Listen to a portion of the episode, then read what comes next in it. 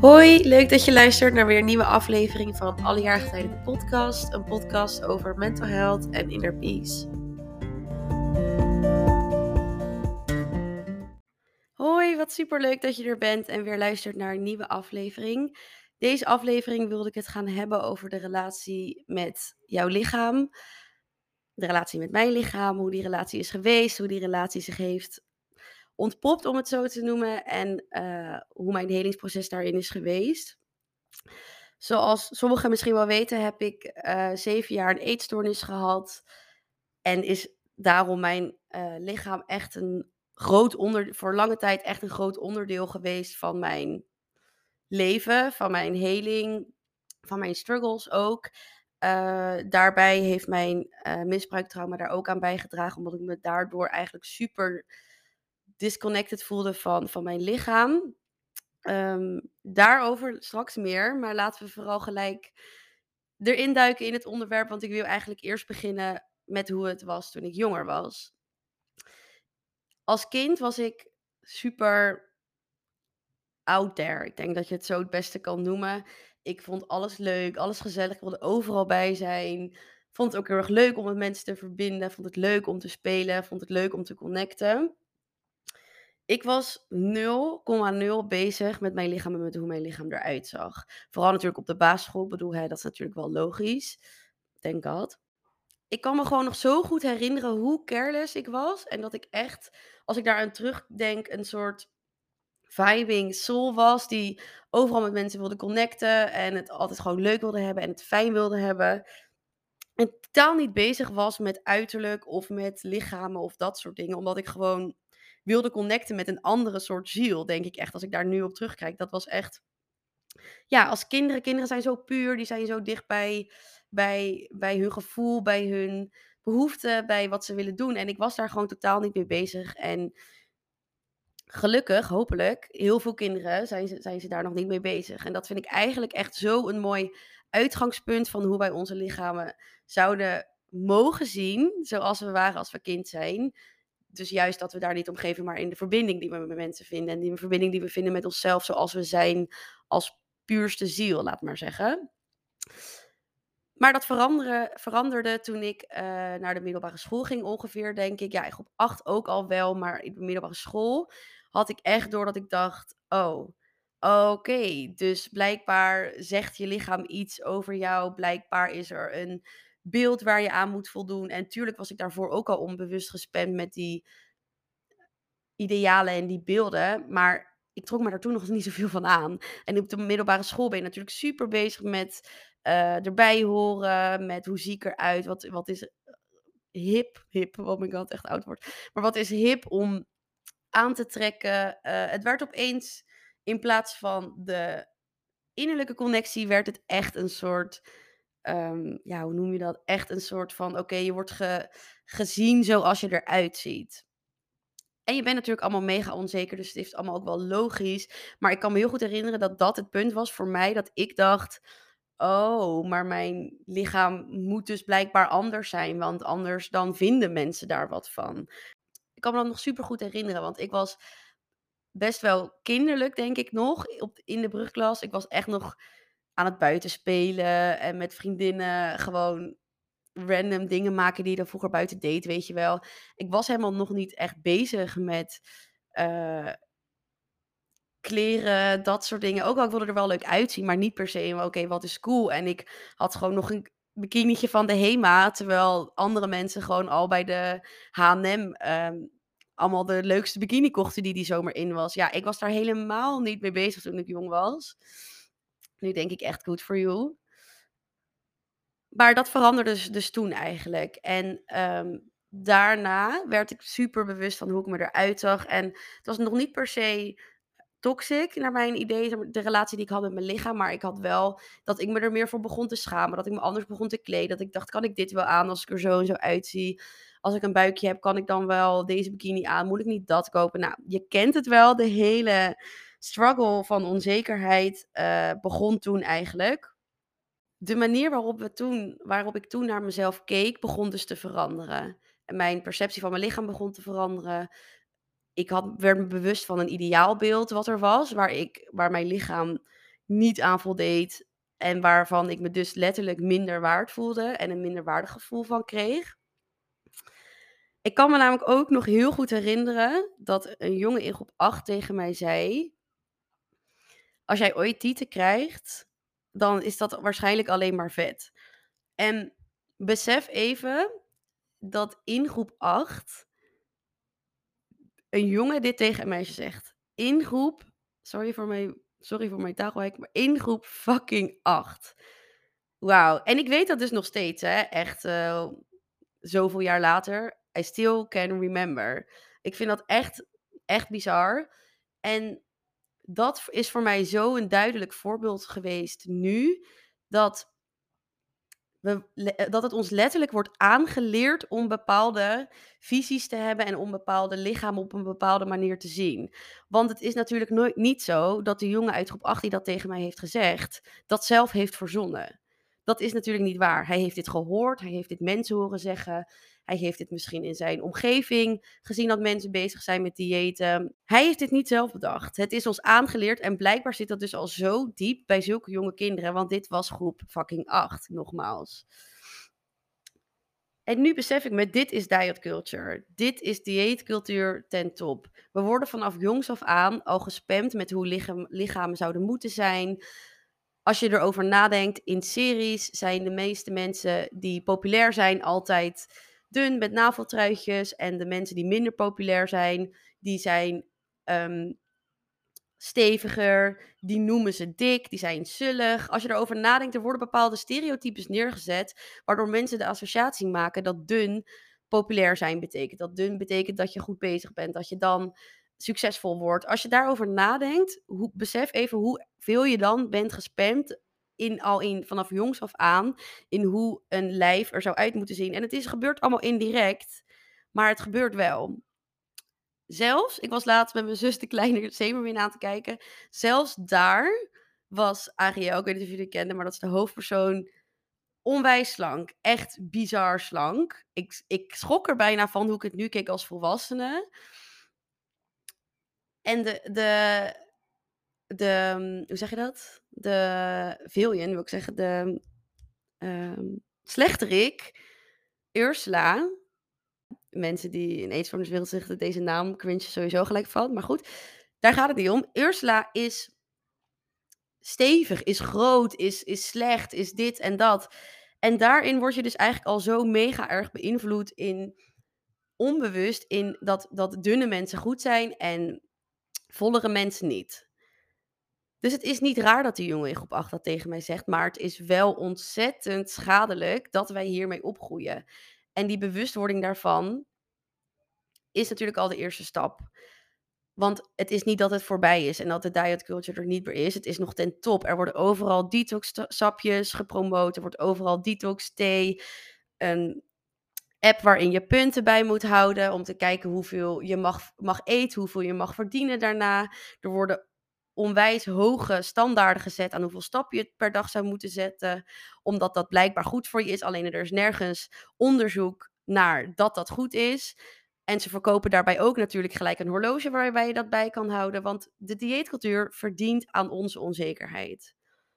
Laat me dat even herhalen. De dieetcultuur verdient aan onze onzekerheid. Want die sapjes zijn duur, die programma's zijn duur, de horloges waar je je stappen en je heart rate bij kan houden zijn duur. Ze verdienen aan onze onzekerheid en ze maken ons onzeker, zodat ze aan ons kunnen verdienen.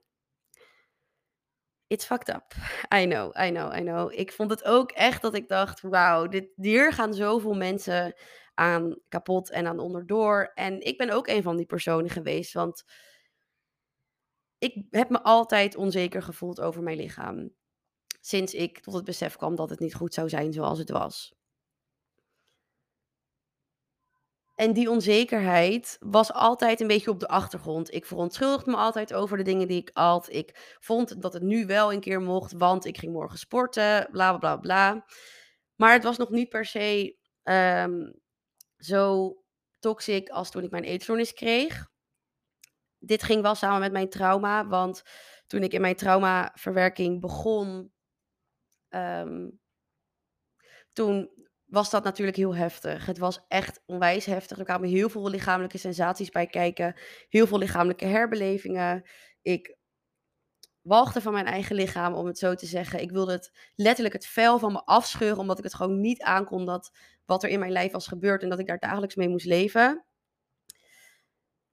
En sporten en bewegen had mij dus de illusie gegeven dat ik me daardoor beter zou voelen. Want er was overal gepromoot en je hoort het ook van de mensen om je heen. Ja, nee, je voelt je echt beter als je gaat sporten.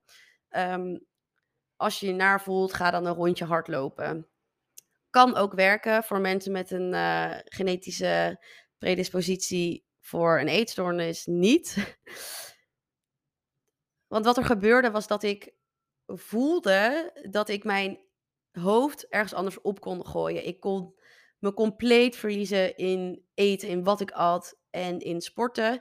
En dat gaf mij inderdaad ook een rush. En dat gaf mij ook op dat moment een goed gevoel, omdat ik dacht dat ik goed bezig was, omdat ik dat had aangeleerd vanuit de dieetcultuur. En daarbij was het gewoon een totale escape. Ik hoefde niet na te denken, ik hoefde niet te voelen. En dat ging van kwaad tot erger, van kwaad tot erger. En zo belandde ik in een zes jaar lange eetstoornis. Wat natuurlijk onwijs lang is.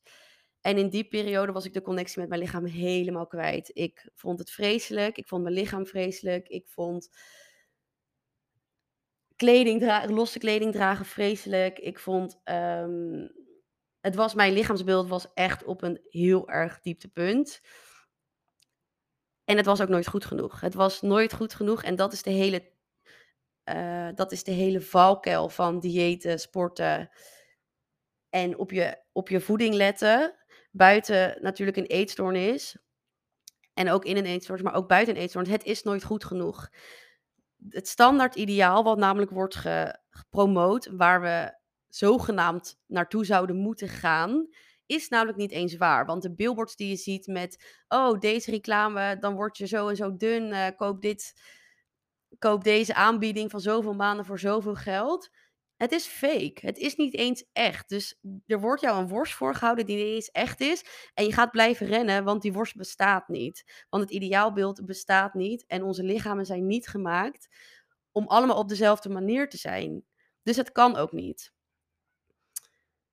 Dus het is nooit goed genoeg. En dat is het hele gevaarlijke aan de dieetcultuur. Het is nooit goed genoeg. Zij kunnen voor altijd geld aan ons blijven verdienen. En wij gaan er aan onderdoor, want wij denken dat het aan ons ligt, dat ons lichaam niet goed genoeg is.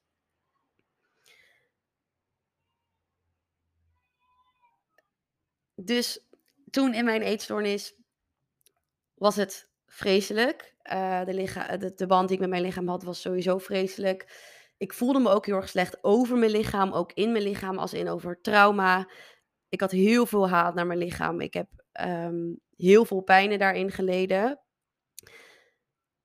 En in mijn herstel was een van mijn punten: dit, is dit moet anders. Ik leerde in mijn herstel over de dieetcultuur, over de dingen die ik net heb verteld.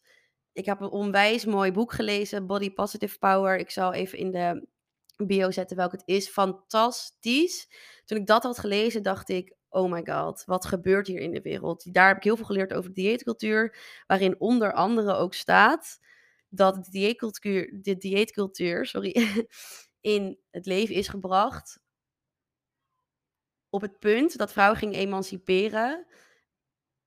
En de dieetcultuur is in, in het leven gebracht, want het standaard ideaal is ook voor mannen, maar vaak ook voor vrouwen en natuurlijk voor alles daartussenin. Maar het is in het leven gebracht toen om vrouwen letterlijk en figuurlijk klein te houden. Het is natuurlijk, ik weet niet wanneer dit was, 1900 nog wat. Denk ik, misschien zelfs eerder. En het is in het leven gebracht om vrouwen letterlijk zichzelf te laten uithongeren, zodat zij dus geen energie zouden hebben om ook mee te, eh, mee te participeren in de maatschappij. Ze zouden namelijk veel meer bezig zijn met andere dingen, waardoor ze geen energie zouden overhouden na het huishouden om ook mee te draaien in de maatschappij zoals mannen dat deden. En toen ik dat las, dacht ik, wow, dat is crazy. En vooral hoe de, hoe de wereld daarin door is gegaan. En over duidelijkere uitleg zou ik je sowieso naar dat boek doorverwijzen, want ik zeg dit nu uit mijn hoofd, maar ik heb dit boek echt vier jaar geleden gelezen. En ik dacht echt, Wauw, hoe worden wij hier zo erg door beïnvloed alleen maar omdat we omdat we ik praat nu niet alleen maar over mannen en vrouwen, dat was even dat voorbeeld wat ik gaf, maar over natuurlijk elke gender letterlijk klein worden gehouden, want we worden allemaal klein gehouden. Iedereen die in een dieet stapt wordt letterlijk en figuurlijk klein gehouden of klein gemaakt. Laten we eerlijk zijn.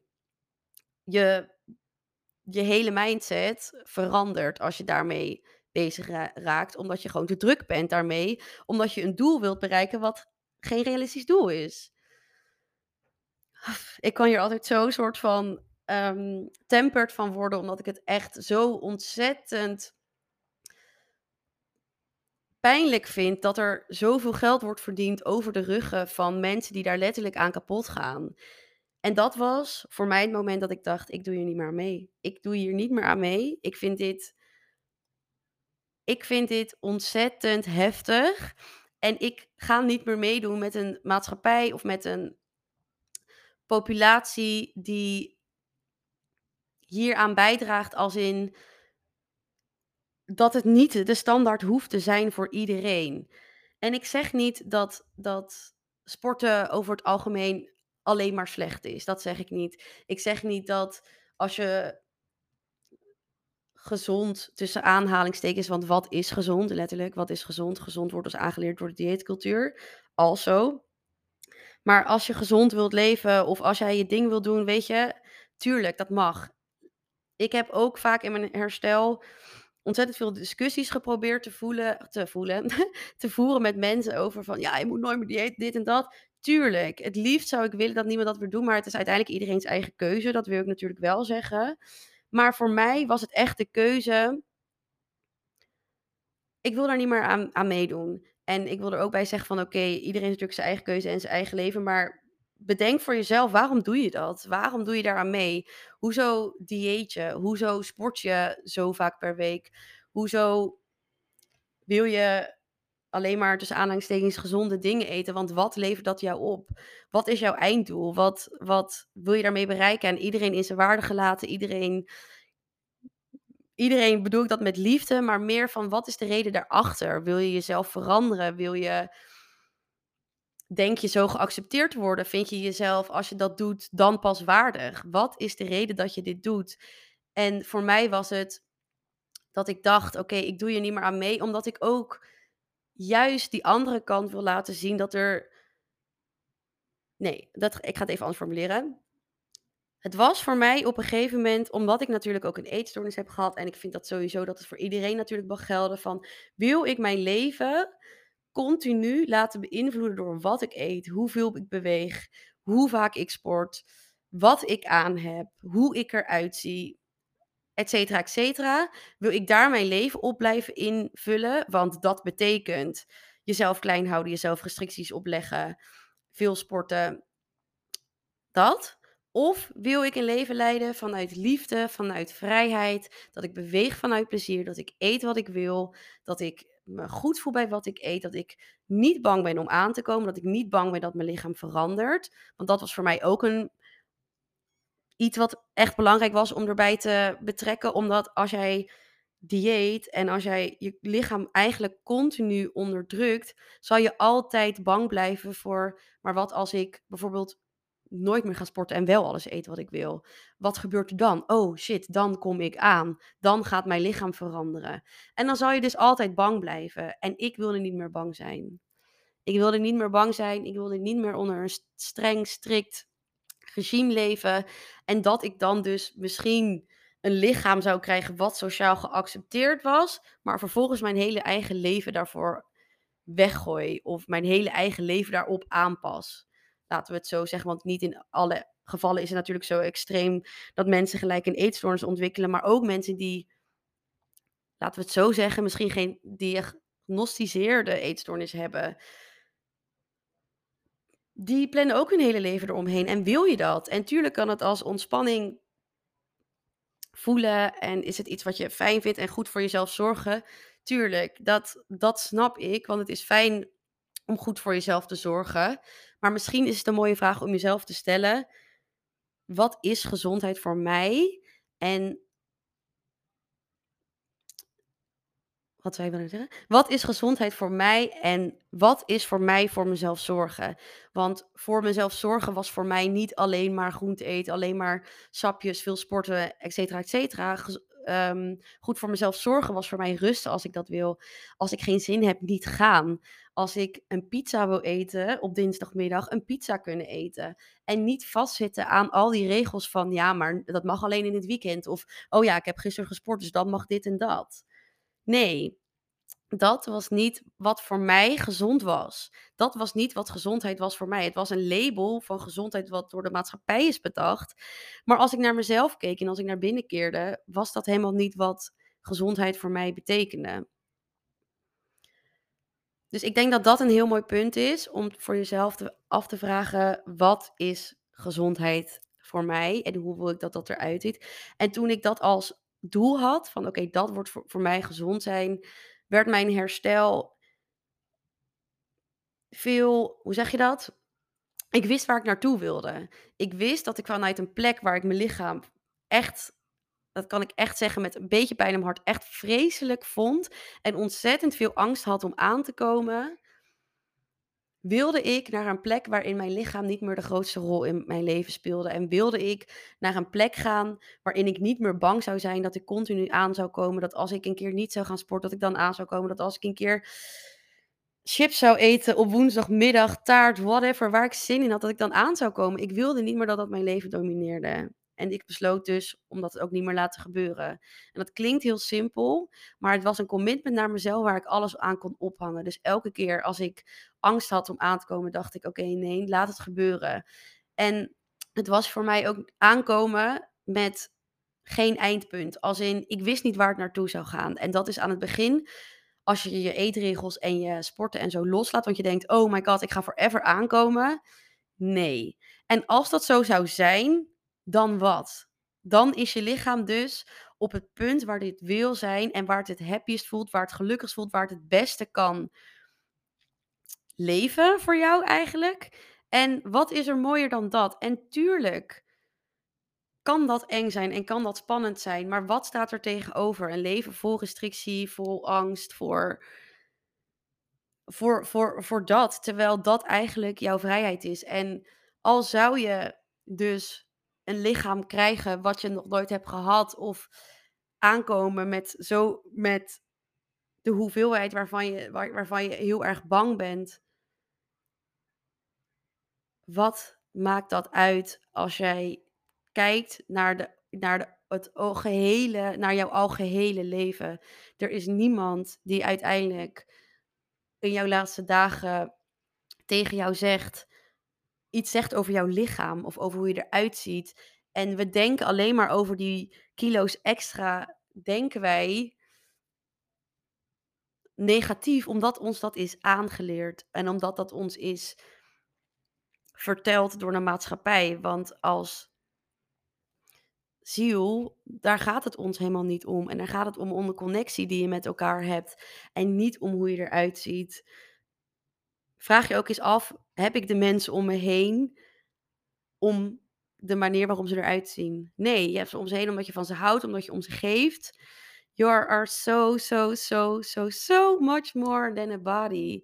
Echt waar, lief jij. Als je dit luistert en twijfelt van, ik voel eigenlijk dat ik in patronen zit die, die niet voor mij dienen. Alsjeblieft, let go. Laat los, alsjeblieft. Ik vind het, het is voor mij ook echt zo'n lastig proces geweest. En eerlijk, ik vond het ook niet makkelijk. Ik heb ook gehuild. Ik heb ook jankend in pashokjes gestaan. Ik heb geschreeuwd. Ik heb gehuild. Ik vond het vreselijk. Ik wilde mijn lichaam van me aftrekken af en toe weer. Omdat ik dacht, ik voelde me zo groot. En ik voelde me zo... Zo... Ik, ik weet niet. Ik voelde me zo niet mezelf. En ik vond het zo spannend. En ik was bang dat iedereen een judgment had over hoe ik eruit zag. En hoe meer ik zelf ging accepteren dat mijn lichaam niet het belangrijkste was aan mij en dat mijn lichaam me mijn leven teruggaf, want dat was letterlijk wat er gebeurde. Dat ik dacht, wat maakt mijn lichaam uit? Ik merkte in elke relatie met wie ik nog was, dat die mensen precies hetzelfde tegen mij deden. Want mijn grootste angst was dat als ik zou aankomen, dat ik zou worden afgewezen voor wie ik was. dat ik mijn echte zelf zou worden, mijn authentieke zelf met het lichaam wat daarbij hoort, hoeveel kilo dat ook was, dat mensen mij dan zouden afwijzen. En dat mensen mij niet af zouden wijzen omdat ik hoe ik eruit zag, maar dat mensen mij af zouden wijzen op wie ik was. En dat vond ik het allermoeilijkste. En juist door naar die pijn toe te gaan, door naar die pijn van de afwijzing toe te gaan, door te naar dat gewicht en naar die uiterlijke verschijning van die past bij mijn authentieke zelf toe te gaan, dat te leven en te ervaren dat er dat iedereen nog steeds evenveel van mij houdt, dat ik nog steeds mijn leven kan leiden beter dan ooit, dat mijn wereld niet instort, dat besef dat je dat kan leven, dat was een game changer voor mij, want toen dacht ik, het is letterlijk alleen maar angst wat je tegenhoudt. Want alle angsten die je hebt, mensen verlaten me, mensen vinden me leuk, ze zullen dingen over me zeggen, ze zullen over me praten. Het is allemaal niet gebeurd. En niemand, niemand heeft mij anders daarin behandeld, wat dus mijn grootste was, heeft mij daarin afgewezen. En als mensen dat doen, als mensen jou op die manier dan afwijzen, als jij je authentieke zelf bent, mag jij jezelf afvragen, wil ik die mensen dan wel mee leven? En dat was voor mij zo ontzettend belangrijk om te beseffen dat mijn leven veranderde toen ik mijn lichaam leerde accepteren. Maar het veranderde niet in een slechte, in een slechte manier. Het veranderde alleen maar beter. Ik voelde me mezelf. Ik kreeg mijn glow terug. Iedereen zei om me heen ook van: Oh my god, nee, je bent er weer. Je bent weer wie je was. Je hebt energie. Je straalt kracht uit je bent je lichaam. En tuurlijk heb ik af en toe ook nog steeds wel moeilijke dagen. En vind ik het, kan ik het ook lastig vinden om opeens een crop top aan te trekken en een, sorry, en een high-waisted broek of een niet high-waisted broek of een bikini, tuurlijk. Maar ik weet nu dat dat niet mijn lichaam is. Want mijn lichaamsbeeld, vooral in herstel, kon op een dag echt omdraaien. Terwijl feitelijk gebeurt er natuurlijk niks aan je lichaam. Het is hoe jij daarnaar kijkt. En het is welke waarde jij daaraan hangt. En als jij in je authentieke lichaam leert te komen en daarin verandert je leven dus ook mee. Want mensen zullen jou ook zien als jouw authentieke zelf en zullen daardoor je ook liefde geven voor je authentieke zelf. En zullen, waardoor je dus ook een authentiek leven aan zal trekken wat echt bij jou past, omdat je jezelf niet meer laat be belemmeren door het lichaam dat jou letterlijk klein hield. Jouw leven zal niet meer worden beïnvloed omdat jij jezelf klein houdt. Omdat je jezelf gunt in je volste versie van jezelf te staan. In de puurste versie van jezelf te staan. En in de mooiste versie van jezelf te staan. Want jouw lichaam heeft geen dubbele agenda. En jouw lichaam wilt jou tot leven. Wilt jou in leven houden. Die wilt jou liefde geven. Die wilt alles doen voor jou als jij het toelaat. En jouw lichaam denkt niet, oh ik ga expres daar kilo's eh, aankomen, want uh, dit en dit. Nee, je lichaam is liefde. Je lichaam wil jou het leven. Het is letterlijk het omhulsel waar jij in mag leven. En dat is toch prachtig. En ik vind het zo bizar om te bedenken dat het ons is aangeleerd en dat het helemaal niet in onze aard zit om zo naar lichamen te kijken, maar dat het iets is wat we hebben bedacht met ons hoofd. En ik wilde deze podcast graag opnemen eigenlijk zonder, ver, ja, zonder story. Dus misschien is het gewoon best wel all over the place. Maar wat ik je wil meegeven vooral is... Luister naar je lichaam. Wees alsjeblieft niet bang om de authentieke versie van je lichaam te accepteren. Want uiteindelijk wendt het. Uiteindelijk, als ik terugkijk op het proces, is het heel erg moeilijk geweest. Maar uiteindelijk is hoe ik me nu voel zo ontzettend krachtig. Ik heb me nog nooit zo thuis gevoeld in mijn lichaam als nu. Ik keur dat altijd af. Ik was altijd bang om aan te komen. Ik was altijd bang wat die en die dacht. En nu denk ik, this is my body. Dit is mijn huis. Dit is wie ik ben. En I'm gonna own it. En mensen die daar wat van vinden, that's on you. En dat zegt dan ook wat over jezelf in de relatie met jouw lichaam. En ik gun de mensen die daar wat van vinden ook de heling de heling die zij daarin nodig hebben. Want voor iedereen is het natuurlijk een journey en iedereen op zijn eigen tijd. En dat is natuurlijk ook helemaal oké. Dus ook alle liefde naar mensen die nog op een ander punt in de journey staan. En uh, ja, dat. Is voor iedereen een proces. En het begint, naar mijn idee, bij de bewustwording en naar de keuze van wat jij wilt voor jezelf in dit leven. Dus voor degenen die dit luisteren, ik gun je alle, alle liefde, alle vrijheid, al het geluk. En vraag aan jezelf vooral, wat is mijn waarheid hierin? Wat wil ik geloven? Hoe wil ik mijn lichaam zien? Probeer los te breken van de patronen die natuurlijk, dat natuurlijk ontzettend moeilijk is en niet 1, 2, 3 is gebeurd, maar het is, is echt mogelijk. En dat wil ik je echt op je hart drukken. En probeer te bedenken wat, je, wat voor jou belangrijk is in dit leven en hoe jij je leven daarin wilt op, daarin op wilt inrichten. Ja, dat wil ik zeggen. Want het is echt mogelijk om jouw relatie met je lichaam te veranderen. En dat begint bij compassie, bij liefde, bij jouw waarheid vinden, jouw kern daarin zoeken. En dat is ook lastig. En weet in ieder geval dat je me altijd een berichtje mag sturen om erover te kletsen. Dat kan op Instagram. Mijn Instagram is Nena Sanchez, staat in de bio. Maar dat, uh, ja, dat staat in de bio voor als je niet weet hoe je dat schrijft. En wellicht dat ik nog een part 2 wil maken, omdat het nu natuurlijk wat cryptischer is en wat meer, I don't know, maar niet echt per se tips of handvaten die ik heb gedaan of gehad um, toen ik uh, nou echt praktisch bezig wilde zijn met van oké, hoe, hoe verbeter ik dan die, die relatie met mijn lichaam? Dus laat vooral eventjes weten of jullie daar behoefte aan hebben. En met meer specifieke tips van wat je kan doen om iets meer in contact te komen met je lichaam. Dat lijkt me namelijk ook nog wel echt een hele mooie om na deze te maken. Dus ik hoor graag of jullie dat zouden, ja, of jullie dat leuk zouden vinden.